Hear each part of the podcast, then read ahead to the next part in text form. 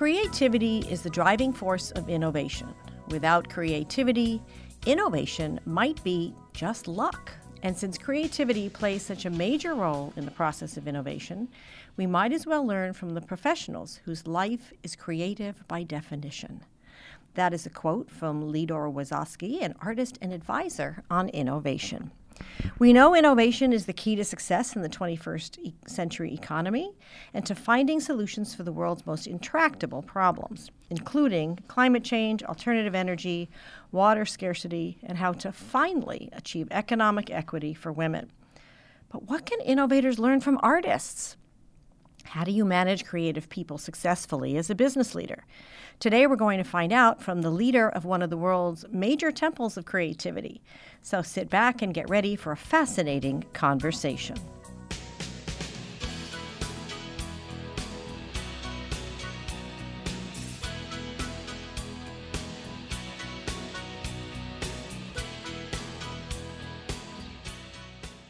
Welcome to Green Connections Radio, where we bring you insights and tips from remarkably innovative women, especially those doing some kind of work in energy, climate, sustainability, and corporate responsibility.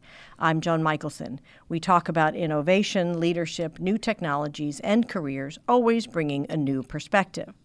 Find us anywhere you like to listen to podcasts and on our website, greenconnectionsradio.com, and through my Forbes blog as well. And please pass it on to your friends. Artists are using their senses all the time. They observe the world around them and continuously collect raw material which they use later in their work. That was also from Wazowski. He continued very briefly for an artist, anything can be raw material. Their artists are curious about anything they come across. And if you want to innovate, that is exactly what you should do. I couldn't agree more with Wazowski. Innovation is indeed a marriage of art and method.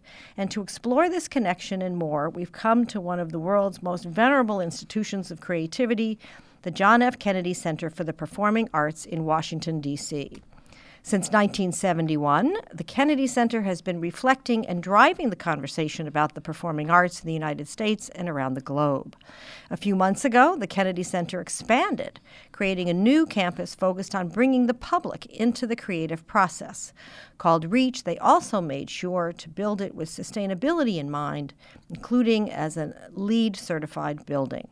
We're here to talk about the intersection of art and innovation, including managing creative people and the creative process, and the new Reach campus and some of its sustainability features, and get a bit of career advice from their esteemed leader. I'd like you to meet Deborah Rutter, President and Artistic and Administrative Director of the Kennedy Center for the Performing Arts, which the website describes as the world's busiest performing arts center. Okay, so I'm a native New Yorker, and I think the Lincoln Center for the Performing Arts might argue with that label a little bit, but we'll let it slide. Deborah has been in arts management her entire career, coming to the Kennedy Center in 2014 after many years as president of the Chicago Symphony Orchestra, one of the world's most acclaimed orchestras, and before that, executive director of the Seattle Symphony. She has a grad, undergraduate degree from Stanford and her MBA from USC. And I have to throw in that because I am a UCLA alum myself, I'll have to forgive you about that too. One fun factoid about Deborah is that she has been on both sides of the baton, having played violin in orchestras throughout her education. I tried the violin too without much success, however. So, without further ado, I'm delighted that Deborah is joining us live in person at the Kennedy Center. Welcome, Deborah, to Green Connections Radio, and thank you for joining us. Thank you, and welcome to the Kennedy Center. Thank you so much. I am a particular fan of the performing arts, having grown up around them in New York City and as a dancer myself. And I come from a long line of accomplished musicians, so I feel at home. I want to start off with a few quick questions. What's your favorite book? Well, I just read at last fall Ta-Nehisi Coates' The Water Dancer, and it has stayed in my heart, my mind, um, and played back over and over again. And so um, it is the first one that just sort of pops out of my head. I just love the way he writes. I love his perspective, and I thought the book was magnificent. Cool. Who is your favorite woman leader?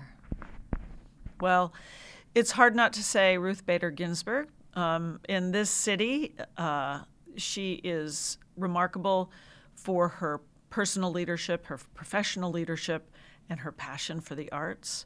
But um, I would say Madeleine Albright is a close second. I love it. I saw all the RBG movies, and they're terrific. Um, let me put the Kennedy Center into perspective with a few factoids for anybody who doesn't know this. It hosts over 2 million visitors a year with over 2,200 performances each year. That I had no idea. Over 400 of them are free, by the way. If you want to come, come on down. And it serves about 1.4 million students per year and has programs around the country as well.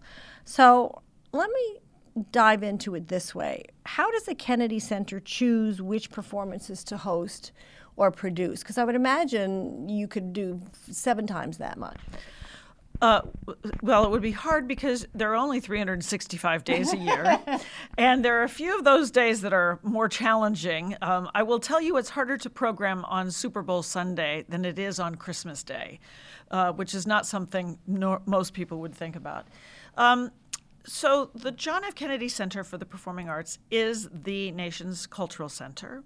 And I say that because many people either don't know or forget that.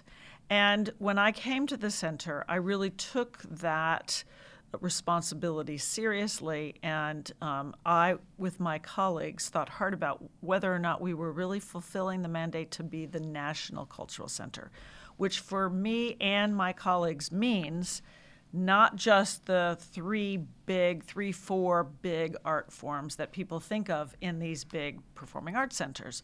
So beyond theater, opera, a symphony orchestra, ballet, dance, how do you really fulfill the mandate to serve all of our country and all of the performing arts to all of our country?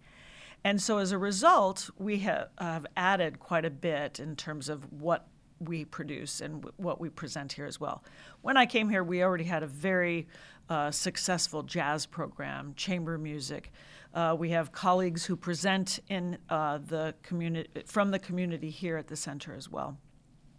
And our international festivals have been always a big draw. But we knew that there were art forms and artists that didn't feel that they had a home here at the center. So it was really over the, the this period of time that we've been expanding the variety of programming that we have. Give us an example. So we have a director of uh, hip hop, an artistic director, and also a program director of hip hop. We had when I first came here, we were presenting three or four comedy shows a year.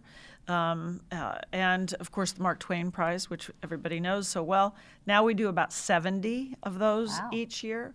Um, and uh, I would say increasingly the the program that is um, really the most exciting is the art form that you can't describe. It's the one that's the blend of hip hop and theater, or music and dance that might be non-traditional in, in presentation and in format. So it is those sort of boundary, genre, just breaking uh, art forms that are really the ones that are changing the way people think about the Kennedy Center as well. And that's what creativity is about, right? Is is stretching the boundaries, creating, breaking them down, really. Um, creative people are a unique breed. We're curious, we're energetic, we also can be quixotic and frankly edgy and just odd, right? Um, not everyone can manage creative people successfully. You seem to be a master of it. You've done it your whole career in arts manage, performing arts management, and you obviously manage a huge team here. Um, what do you think is unique about managing creative people, and what recommendations would you give to any manager, business leader who wants to manage for creativity and manage creative people? I think um, probably the most important one is to being a good listener and listen for understanding, compassion, and beyond sort of the most immediate uh, definition of how a, an artist or an individual is describing what they're thinking about. And I, I say that I'm not a very patient person. If you asked anybody around me, you would say, well, patience is not a virtue of Deborah Rutter. But I, in the case of when I'm engaging with creative people, I listen and wait for deeper understanding of what they're trying to communicate and what they're trying to achieve. Um, I do not make snap opinions about an artist's idea. In fact, um, I think many of my colleagues uh, would love me to make faster decisions or brush aside an idea or accept another idea faster. But I think you need to allow an artist and their idea unfold and further develop, and for others then to offer ideas and um, uh, ways to expand on whatever that creative spark might be.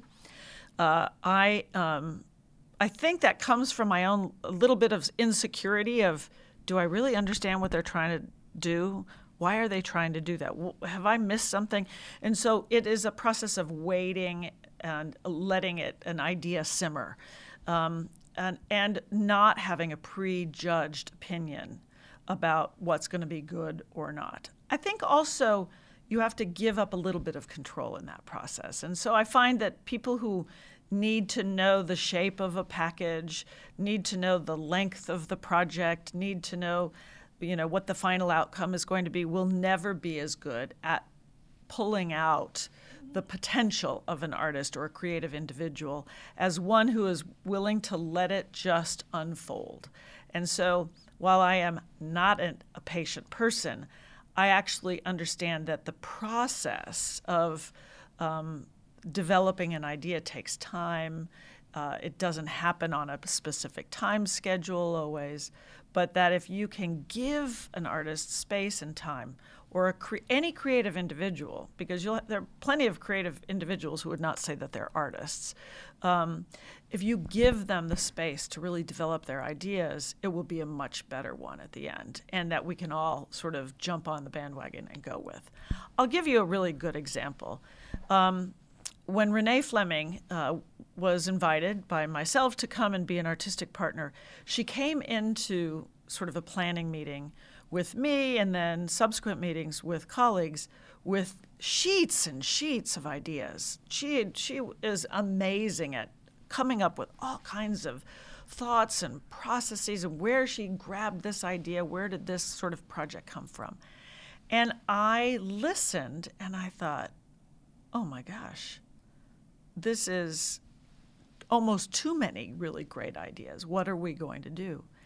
But by having multiple conversations with her and then having that conversation with others as well, we realized that there was the potential of something really monumental that we could do uniquely here in Washington, D.C., and with Renee Fleming.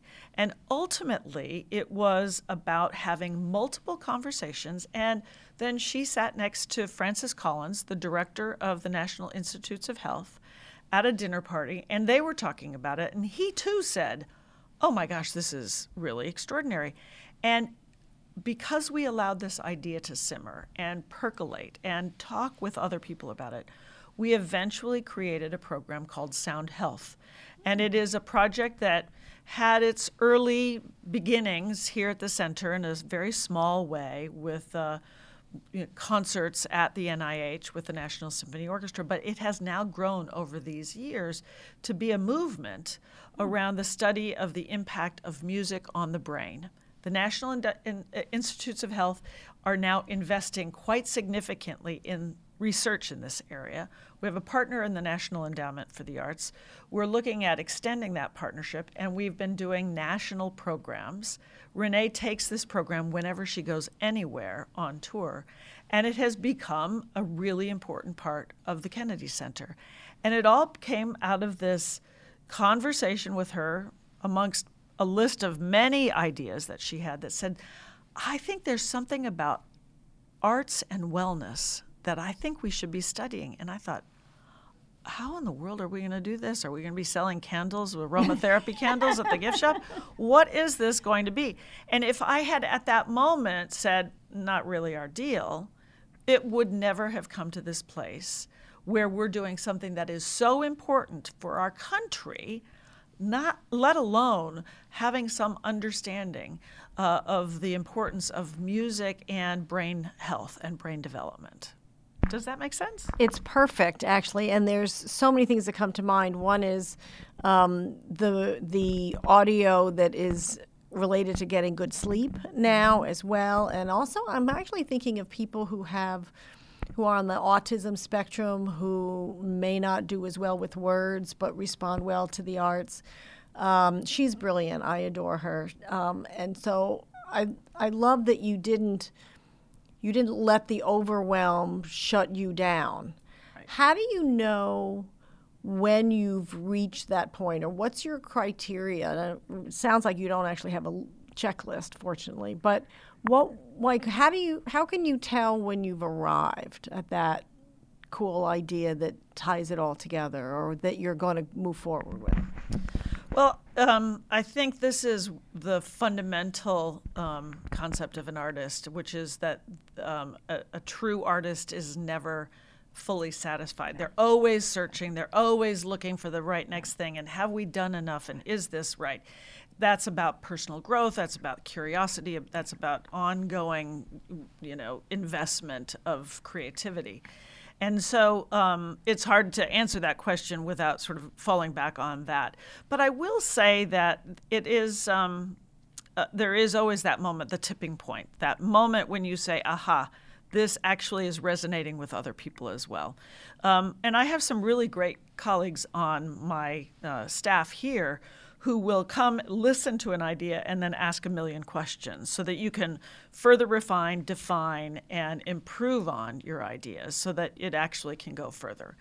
Um, when we were developing the reach, it wasn't really clear when I first got here why we were expanding the Kennedy Center, other than the fact that we didn't have enough rehearsal spaces and we needed better places to have parties. I mean, that's really not a great reason, in my opinion, to ask a bunch of people to give you a lot of money to build a big, new, wonderful building.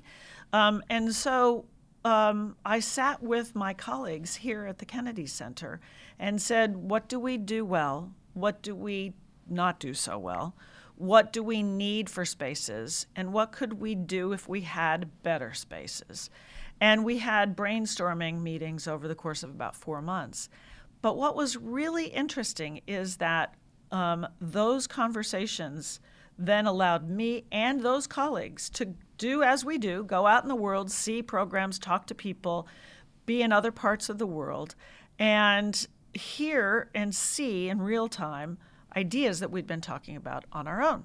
So we all come back at the end of that time and we brainstormed sort of an articulation of what we wanted to do with the reach. And we realized that what we had, had expressed during those brainstorming meetings and then going out into the world and talking to artists and talking to other arts organizations, we came back and we said, this is what we need. And it doesn't exist anywhere in the world. And if we had begged to be able to create this in the first place, maybe we wouldn't be able to. But given that we're already in this project, this is what we want to do with it. And it made so much sense to a large collective of us. But it was an iterative process. It was about allowing uh, people to be as creative and as crazy as you possibly could imagine. And then noticing when there was really a fantastic moment uh, that we all had to sort of say, aha, that's it, let's go there.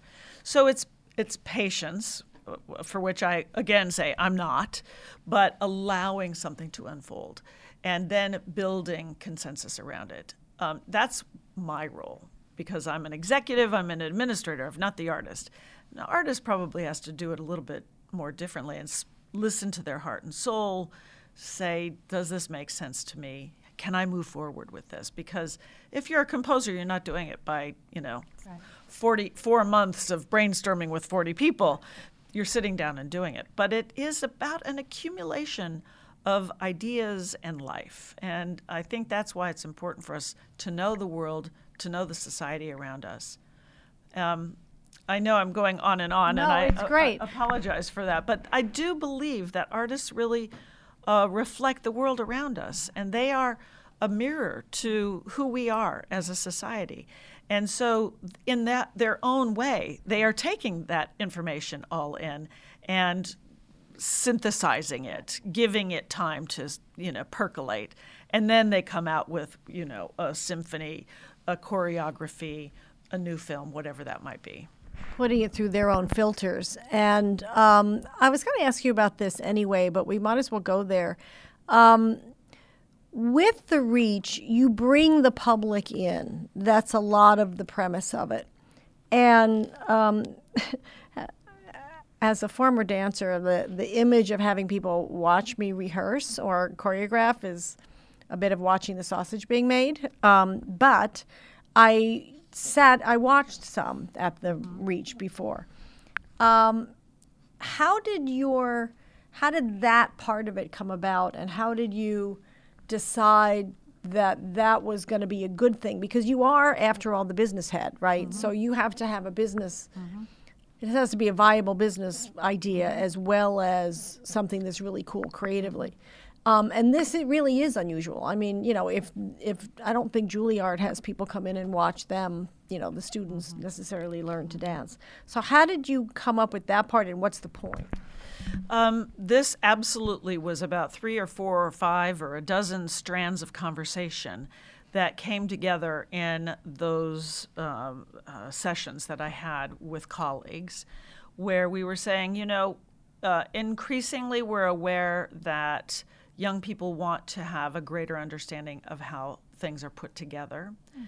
If you think about the ways in which um, uh, uh, uh, generations younger than myself, and I, I often use my daughter as an example, um, and she is uh, about to turn 22 years old. So think about it. The, she was a teenager when we started this project. Um, Jillian loves to get dressed up, go to a show. Many of us do. We've built a whole society around that kind of thing.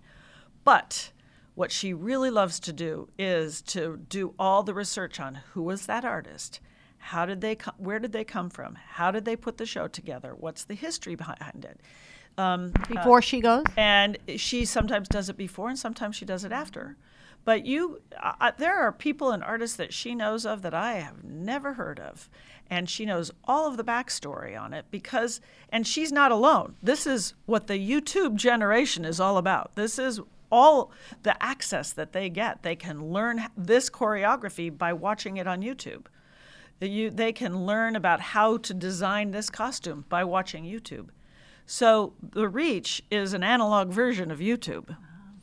And I um, had, I and, and my colleagues in that sort of critical year when we were making these decisions had just enough experiences of going to the New World Symphony where they put wall- windows for all of the rehearsal rooms mm. and they put up their you know concert on the wall so that you could watch the rehearsal and the concert or i was at a meeting where um, a colleague running a performing arts center said you know we had all these street front windows you know, where the mannequins usually stand there w- w- displaying the clothes. And they don't do that anymore. So we decided, what are we going to do and put in those windows? And I decided to put an artist in there painting.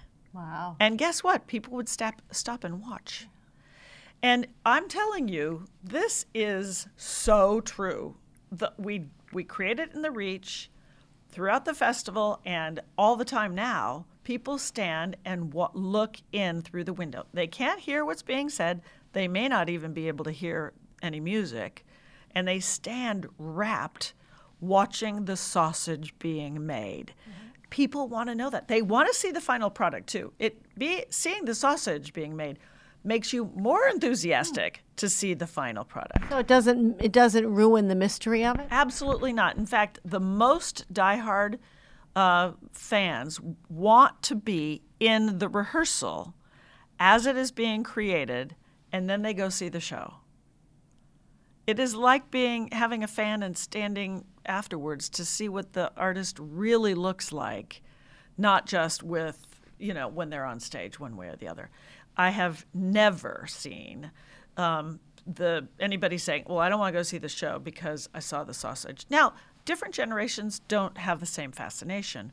But I will tell you that there is the most diehard opera fan wants to see the what we call the room run, which is where you're in a dressing room, you're, you're in a big studio, a rehearsal room. Everybody is in street clothes. They often wear, you know, a sign around their neck that says, "This is the role I'm playing." The conductor is in shirt sleeves, it's only with a piano, and they are moving about and singing. And it's the last moment before you go to the stage. But it gives you a sense of how the opera is being developed. This is the same tr- thing for theater, um, for dance. Certainly, you know mm-hmm. that as well. People love it. And so we can't give it to them all the time, obviously, but we can give them a little snapshot of it. And and what's fascinating is that um, is the people who know the art form love to see it being developed as well, but the people who don't know the art form are completely, you know, agog with, oh my gosh, that's really how it happens. I'm seeing it being created right in front of me. Now I understand how one uh, actor trains the understudy. And this is sort of helping people understand the creative process. Oh, I love that. Um, God, there's so much in there to unpack. And I could talk to you for about seven hours. Um, before I ask you about your career, I want to get to one other, two other quick things. So that begs the question of a lot of the innovation efforts in companies now are around taking people into the room and and having you know ideation processes and and brainstorming, et cetera. But there's always a goal because it has to it has to be a product, right? It has to be a product or a service. It has to make money, et cetera. So, what advice would you give to business leaders who want to have their organization be more innovative and yet also ha- create a product that is or a service that is um, meets all the business criteria. Um, what can they maybe learn from your experience in managing performing arts organizations?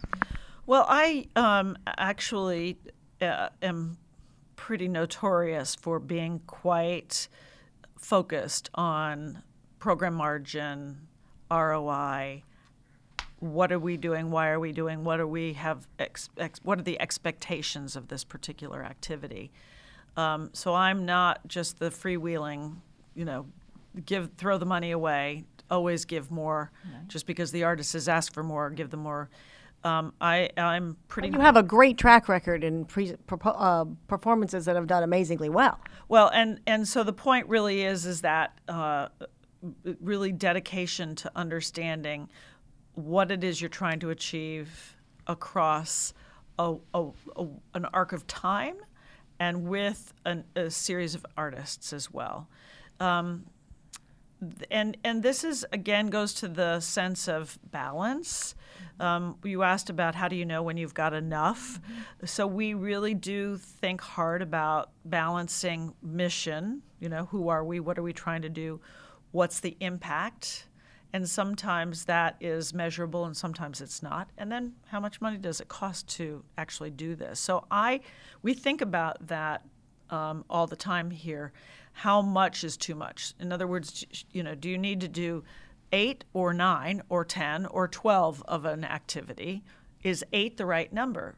Don't forget this is one year out of many, many, many, many years ahead and many years that we have already had.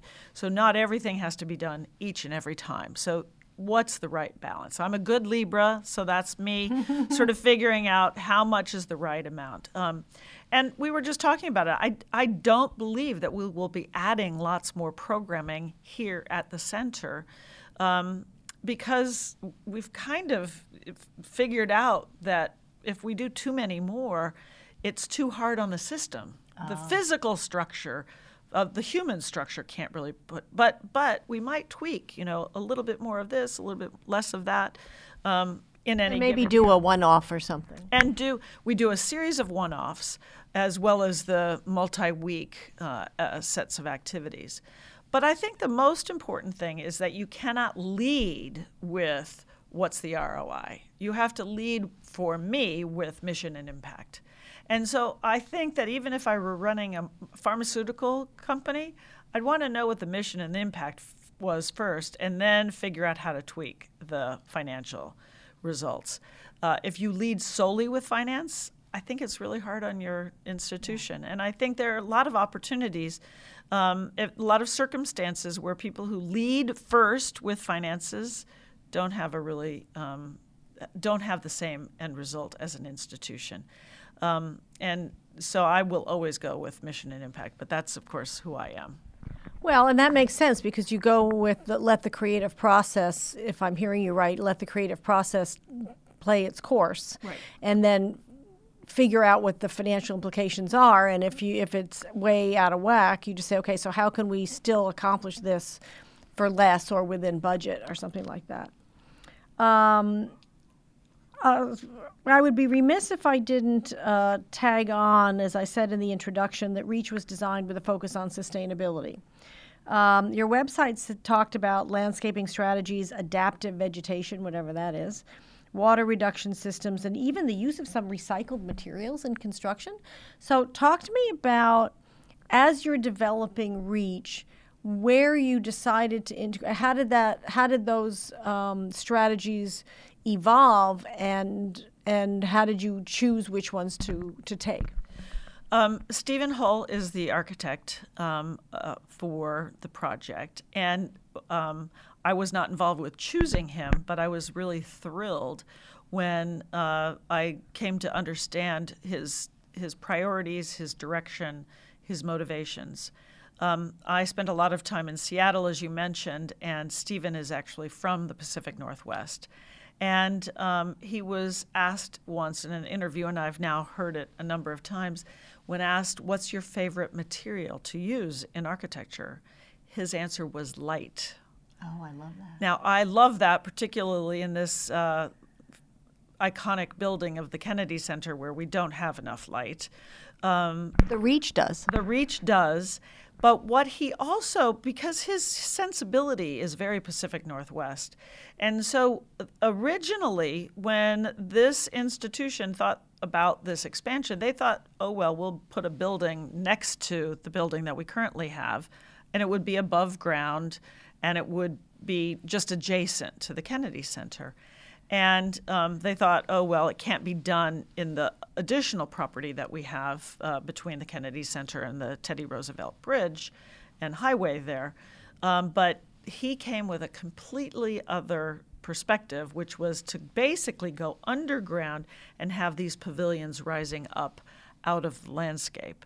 So if you take that fundamental concept, which is to um, complement the Kennedy Center as opposed to try and you know add another add arm or or you know we we have way too many buildings in this city that look like they've had some really bizarre attachment like hooked at the hip of the building right. itself and so he did he has created something magnificently beautiful and lyrical mm-hmm. so appropriately um, uh, adding to this memorial to John F. Kennedy. And as soon as you start going underground and using concrete and embedding it and thinking about how you would uh, deal with light and uh, and water and um, uh, the environment because it's also a very quiet environment. So being really quiet on the inside is really important to us because that's what you need for performing arts. But we're right next to two highways. Um, so it, we're, we're basically encircled by highways. How do you create that quiet? Well, through thick walls, through thick window panes, through the ability to have absorptive materials, and being underground makes a huge um, impact. So um, I don't think the Kennedy Center board said we will build a LEED gold building, but rather by choosing this magnificent visionary um, and by approaching it in this way, we realized that we could really do something special. Um, a couple of quick career questions. Um, tell me about a moment mid career, whatever that feels like to you, where you had to make, you made a decision that turned out to be pivotal um, why you think it was pivotal in retrospect, and um, and what the what that tells you about making decisions going forward. So why mid career? Take your pick. You can choose it however you want. Well, um, I, uh, I, have ha- there are several moments, um, probably in each position that I've had, where I, on in the moment, understood that either by turning right or turning left, or speaking up or not speaking up, or saying we will do this or not, um, so, sort of takes you in another direction. And um, I can say that when I was building a concert hall in Seattle, there was a moment uh, when a community group came to us and said, We want you to move the location of the concert hall that you're building from the one that was for decades established in one location, and they had been working for years and years to try and develop the project in one location. But later, um, a community group came forward and said, We think you should consider moving it to another location. If I had said, Nope, my major donor wants it there, I'm going to do it only there, forget it. Um, that Benaroya Hall would be at Seattle Center and not across the street from the Art Museum. And I will tell you that um, the, individ- the, the, the team on either side were equally powerful. But the concept of saying we could be downtown and we could change the face of downtown Seattle forever. And if you go back to the history books, they'll tell you that Benaroya Hall coming to downtown Seattle changed downtown Seattle because it was not an active, vibrant place. It was not a destination. And today it is incredible. Now, I'm not the only person who was involved with that, of course, but if I had absolutely stood and insisted that we stay only with this one donor who had been funding the project up until that point, we would be a totally different that that the Seattle Symphony and downtown Seattle would be completely different. And there are moments like that um, in each job. I think probably many of them. Um, here, the project when I first got here was at the 50% of design drawing for um, the expansion. And they wanted me to sign off on it. And I hadn't even started work here. And they wanted me to sign off on 50% of design drawing. And I said, Why are we building this building?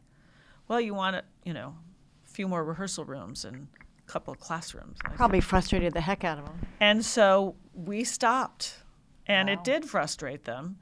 Um, today, Steven Holl will tell you that he was so overjoyed at that moment because he knew that it could be more but it was a little scary at the time. Um, I think we all look back and say um, that was a really pivotal moment here at the center. Um, I think those things happen to most of us really more frequently than we think, but you don't always have the same scale of it.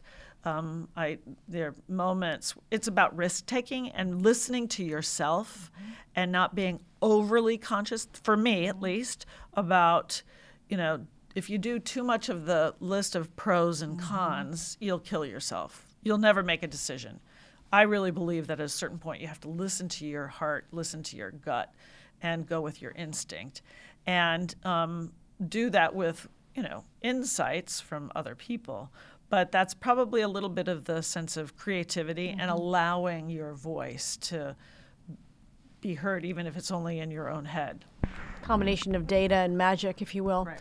Um, what I'm hearing you say is a combination of listening, intuition, and what's also interesting about those stories is that, especially the one about here, is that you were new, so you didn't have clout established yet. You were still like, who is this woman? We know she has a great track record and whatever, but they didn't know anything about your decision making process, really. I mean, they were just so you, that was very courageous of you to take that stand because you could have been alienating these this team that you now have to manage and you need their buy-in to do your job. So that was a big risk. Um, and so but but your point about following your intuition is really and listening to other people and this it sounds like you you kind of know intuitively. Well in the end it, probably everybody was longing for that pause Oh. And so call it courage, call it um, whatever you will. But I think what I was doing was reading the room. Oh, okay. I think in the end, everybody was saying, eh, what are we really doing here? Can we can we talk about this a little bit more? So it's about um, not putting yourself out first. So I um, hmm. I uh, believe that I'm here to fulfill a mission, and it's not my own ego's mission. It's the mission of our institution. How do we become the national, truly become the national cultural center? How do we fulfill that mission? It's interesting because so often you hear leaders that have the the bully pulpit that you have talk about wanting to leave their mark on an institution, and that that that's like not your not your game at all. You want to maybe it's because you're in a mission based um, nonprofit, but it's also I think in today's world, social entrepreneurship is the name of the game, and even big companies like P and G and mm-hmm. and Deloitte and others, you you have to have a mission in order to be successful and to attract people. So, in closing, um, we do like to focus on mid career women because um, that's where the fall off is to leadership. Mm-hmm. So, what advice would you give to a woman who is in mid career, whatever that means to her or to you, that who wants to use her education and her experience in she's ambitious, she wants to make a lot of money, but she wants to make a difference. And again, like you, it's not an ego thing. It's wanting to be ambitious and successful, but also wanting to make a difference. What career advice would you give her? Well, I have never been uh, motivated by personal ambition.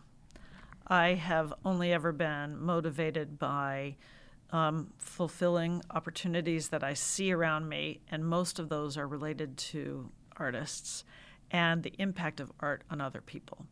So it goes to this issue of how can I make a difference, uh, and through whatever it is, whatever my special talent might be.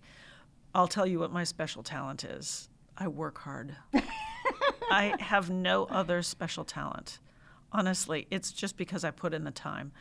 Um, I talk about this with my daughter all the time um, because very often people and teachers will have said to her, Jillian, I, I I value you more because you work hard. It's not just because you have talent that you get to do all of this stuff, but you really dedicate yourself to, um, to whatever it is you're doing. So I'm persistent and I work really hard. And um, if you uh, keep working hard and you think about other people, mm-hmm. probably more than you think of yourself, mm-hmm. you will have opportunities. Um, and there are countless moments where you will feel like you have been uh, shunted aside, ignored. Um, somebody else has had an opportunity that you haven't had. But if you keep working hard and you really dedicate yourself to fulfilling the potential of who you are and what your project is, um, uh, I don't want to sort of copycat those sort of ideas that have been put forward, but I'm a big believer on, you know, show up and pay attention. If you're there, if you're paying attention, if you're volunteering, whatever that form of volunteer, mm-hmm. stepping forward to say, "Oh, I can do that," mm-hmm. and then send me and do it. Don't wait to be invited because you may not wait to be. You may not get invited, um, and that is not about you know I'm going to choose my friend over this person or a male over a female. Uh, it really is about people choose people they know. Yeah. So if you are not known, then you need to step forward. Okay. And um, so this is the sort of family motto show up and pay attention, and you will have whatever opportunity um, to prove yourself. But you have to take it, you have to fulfill on that. I love that. And a couple things come to my mind. One is, of course, the Woody Allen line of 90% of life is showing up. But also, um, I interviewed Angela Duckworth, who wrote the book called Grit uh, How the Power of Passion and Perseverance. Um, and it's about how, in effect, effort, what you're talking about is effort, putting in the hard work and, and doing the work and showing up, um, is more powerful and, and gives better result than pure natural talent. I mean, you hear these stories of these musicians, for example, who were born with extraordinary talent, but they don't practice and they don't, yeah. you know, they're kind of a pain in the butt to deal with, and they this and they haven't had, you know, it's like, I don't care if they're brilliant, they're a pain to deal with. So, um, and it re- so it reminds me of, of Angela's book a lot and her and her extraordinary TED Talk, which has like 16 million views. So um, thank you so much. This has been really amazing, um, Deborah Rutter. I really appreciate it. Thank you. It's been fun talking with you. Oh, good, good, good. good. So thank you so much uh, for joining us today on Green Connections Radio. Deborah Rutter, president of the famed Kennedy Center for the Performing Arts. So, what did Deborah say that resonated with you? What does creativity mean to you? Tweet it to us at Joan Michelson or post it on our Facebook page and like the page while you're there. Thank you for leaving us a review on Apple Podcasts or wherever you're listening today. And please pass it on to your friends. I'm Joan Michelson. Thank you for joining us. See you next time.